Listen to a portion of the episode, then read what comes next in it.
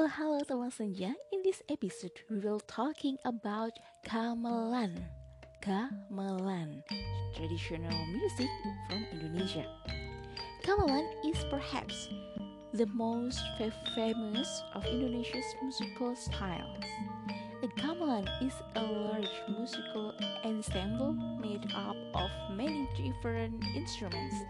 Typically, an Indonesian gamelan has a very prominent percussion section, usually comprised of several metallophones, xylophones or jedor, drums or kendang, and gongs or kempul. Other non-percussion instruments used in gamelan may include bamboo pipes or angklung and various string instruments which might be bowed or plucked. On the island and Java and Bali.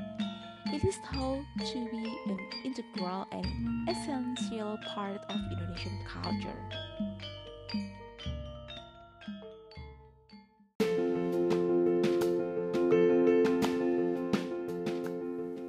Thank you for listening this episode.